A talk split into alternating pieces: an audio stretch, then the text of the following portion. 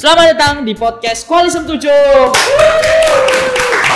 Nah, mantep banget nih, semangat banget rasanya karena hari ini kita bakal ngobrol-ngobrol santai bareng Universitas 11 Maret Surakarta yang udah eh, nggak asing lah ya. Nah, kita bakal ngobrol santai nih bareng Mas Toti dari D3 Manajemen Pemasaran UNS.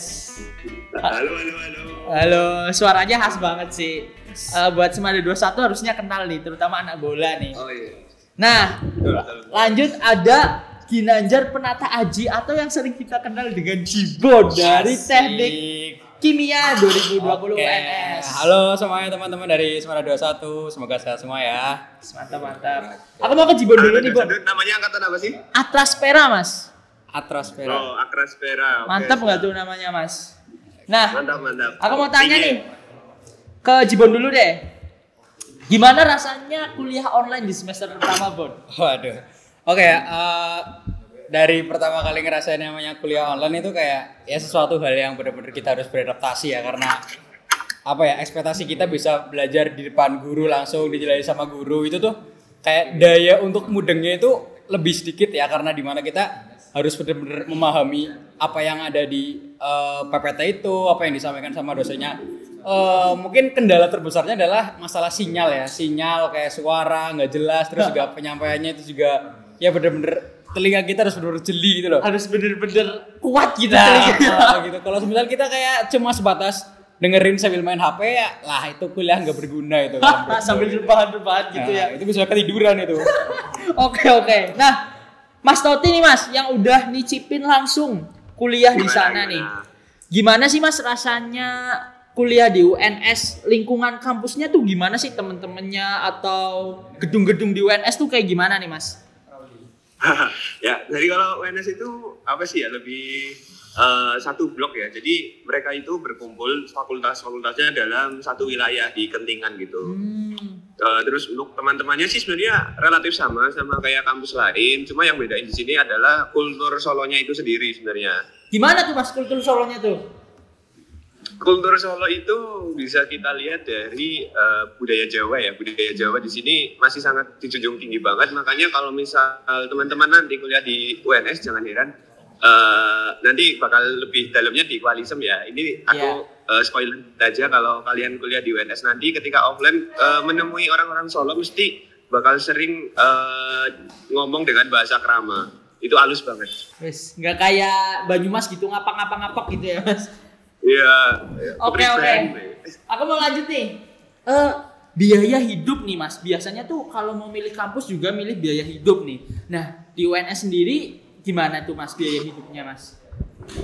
Biaya hidup itu kalau banyak orang ya ini nggak nggak usah pakai survei udah banyak banget orang yang ngomong bahwa biaya hidup di Solo ini udah bisa dibilang kategori murah. Mungkin eh, dengan biaya hidup yang ada di Jogja bisa bisa dikatakan lebih murah di Solo dan juga karena UMR di Solo dan Kabupaten Banyumas itu relatif sama di angka 1,9an itu. Hmm. seperti itu sih.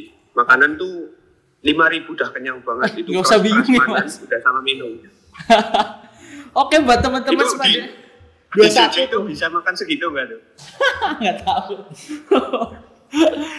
dapat apa ya Oke yang buat kantong kosong pengen makan banyak pengen kuliah langsung aja ke UNS tuh 5000 udah dapat makan kenyang tuh. Nah aku lanjut lagi nih Mas Toti nih eh, yang udah ke sana kan fasilitas di UNS nih Mas secara garis besar tuh ada apa aja nih Mas? fasilitas, oke banyak banyak. Ini fasilitas yang mungkin teman-teman jarang banget dijumpai di SMA ya. Contoh eh, ada yang namanya bis kampus. Bis kampus itu eh, bis yang bisa nganterin kalian. Misal kalian males naik motor, nanti kalian jalan aja ke pintu utama gerbang eh, UNS. Nanti di situ ada bis kampus yang bakal nganterin ke fakultas kalian.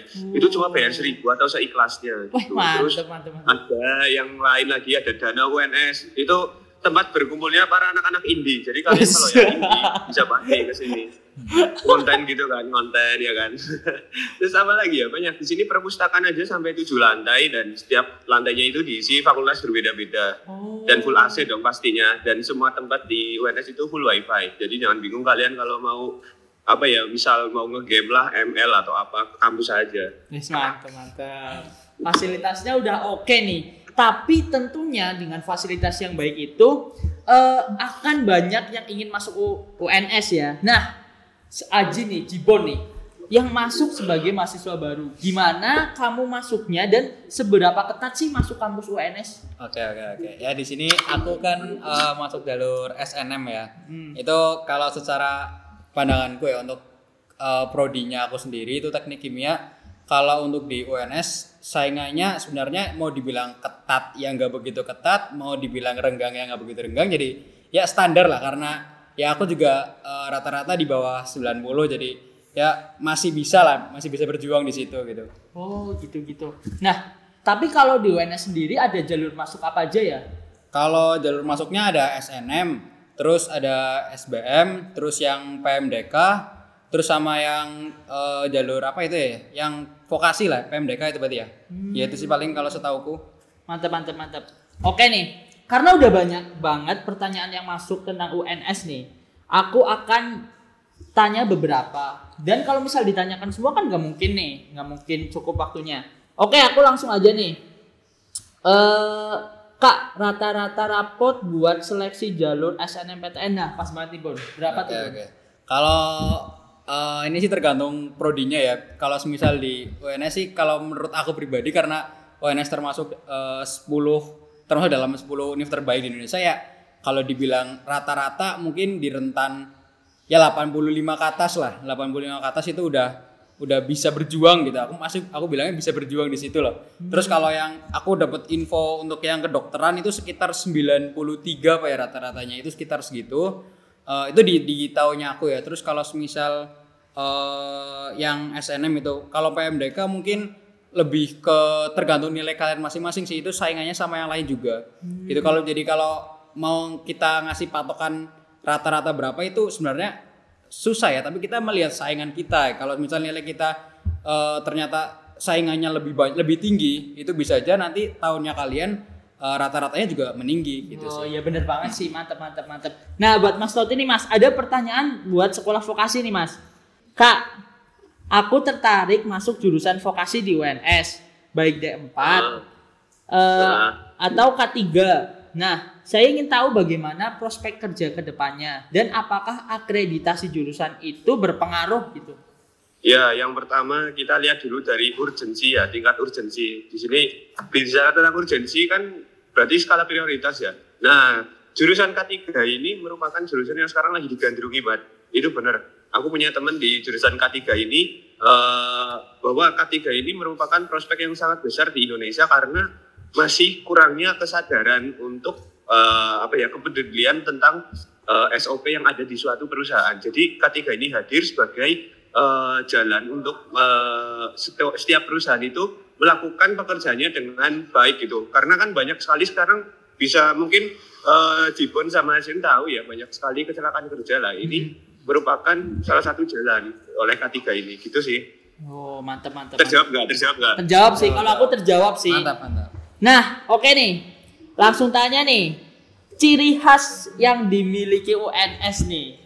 Jibon nih, ada nggak sih kamu baru masuk UNS terus eh kok gini atau ciri khas apa yang menurutmu tertarik gitu? Oke oke. Kalau dari aku sendiri sih ya, kenapa aku tertarik buat yang namanya UNS itu karena aku tipe orang yang suka dengan kenyamanan, kesejukan gitu loh. Terus kalau semisal eh, melihat Asik. kampus UNS sendiri itu kan bisa disebut sebagai green campus gitu kan kayak ya UNS itu ibaratin eh, kayak apa namanya ya hutannya Surakarta gitu. Ya gitu nggak nggak sih mas? Gitu nggak mas?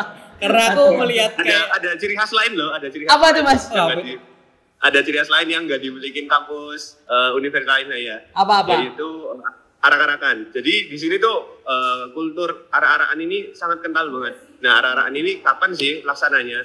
Itu pada saat eh, hari pertama ospek. Jadi itu setiap semua fakultas itu eh, kumpul terus nyanyi ngejan kayak supporteran SBS itu loh. Nah, terus habis itu diarak, habis itu nanti di hari terakhir juga eh, hari terakhir ospek juga ada itu arak-arakan lagi. Itu pokoknya hype-nya itu kalau kalian udah ngerasain, mungkin Jibon belum ngerasain ya, Bon? Belum, Maaf, belum. Bon. Oke oke itu mantap mantap nanti eh, di semester akhir mantap mantap. Siap siap ya. Ya. Siap. Wah mantap banget nih.